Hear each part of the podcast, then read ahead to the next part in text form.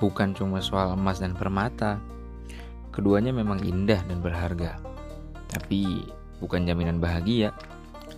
Bukankah bahagia menjadi sesuatu yang paling dicari? Makanya, mari persiapkan peralatan, pastikan tenaga on fire, pikiran harus fokus, hati harus tetap bersih, karena harta karun bukan untuk sembarang orang. Keberadaannya tak melulu di dasar bumi, tak selalu di kegelapan palung. Kadang tak terasa ada di depan mata kita. Mari bersiap, mari berburu harta karun.